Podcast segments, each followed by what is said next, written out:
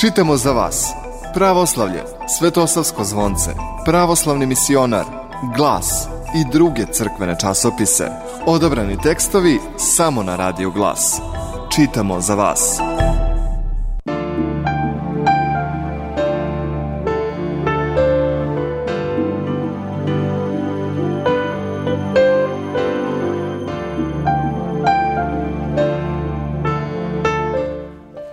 Pomože Bog, poštovani slušalci, pratite najnovije izdanje emisije Čitamo za vas. U današnjoj emisiji predstavljamo vam tekst Kad sam bio dete njegovog preosveštenstva episkop Novobrdskog Ilariona. Ovaj tekst je objavljen u pravoslavnom dečijem časopisu Svetosavsko zvonce u desetom broju 2023. godine.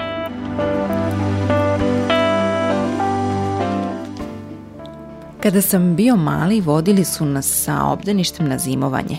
Jedne večeri nam je vaspitačica čitala priču pred spavanje u kojoj je pomenuta smrt. Neko od dece, možda sam to bio i ja, pitao je šta se desi čoveku kad umre. Vaspitačica je odgovorila da ga zakopaju u zemlju. I on ništa ne čuje i ne vidi. Ništa. Njega više nema. Mi deca smo opitali, a vaspitačica se trudila da odgovori – Sećam se velike teskobe koju sam doživeo susrevši se sa smrću po prvi put u svome životu. Nisam ipak mogao da prihvatim to da će jednoga dana jednostavno da prestanem da postojim. Odlučio sam da to nije istina i da divni život koji mi je dat neću nikada da izgubim, iako nisam znao kako to da izvedem. Kasnije sam čuo da postoji Bog i da nas voli i poverovao sam u to a zavolao sam i Svetog Nikulu, čiju smo ikonu imali na zidu dnevne sobe. Nešto više od deset godina, posle onog zimovanja sa obdaništem, posetio sam jedno čudesno mesto na kome sam sreo Boga u koga sam ranije verovao i tražio ga.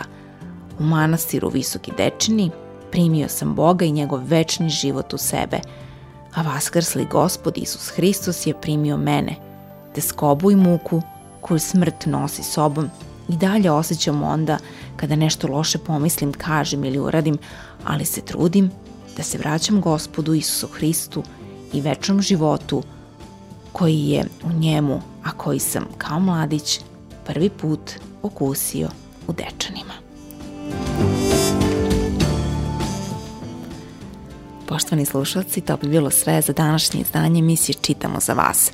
Predstavili smo vam tekst njegovog preosveštenstva, episkop Novobrdskog Ilariona, kad sam bio dete.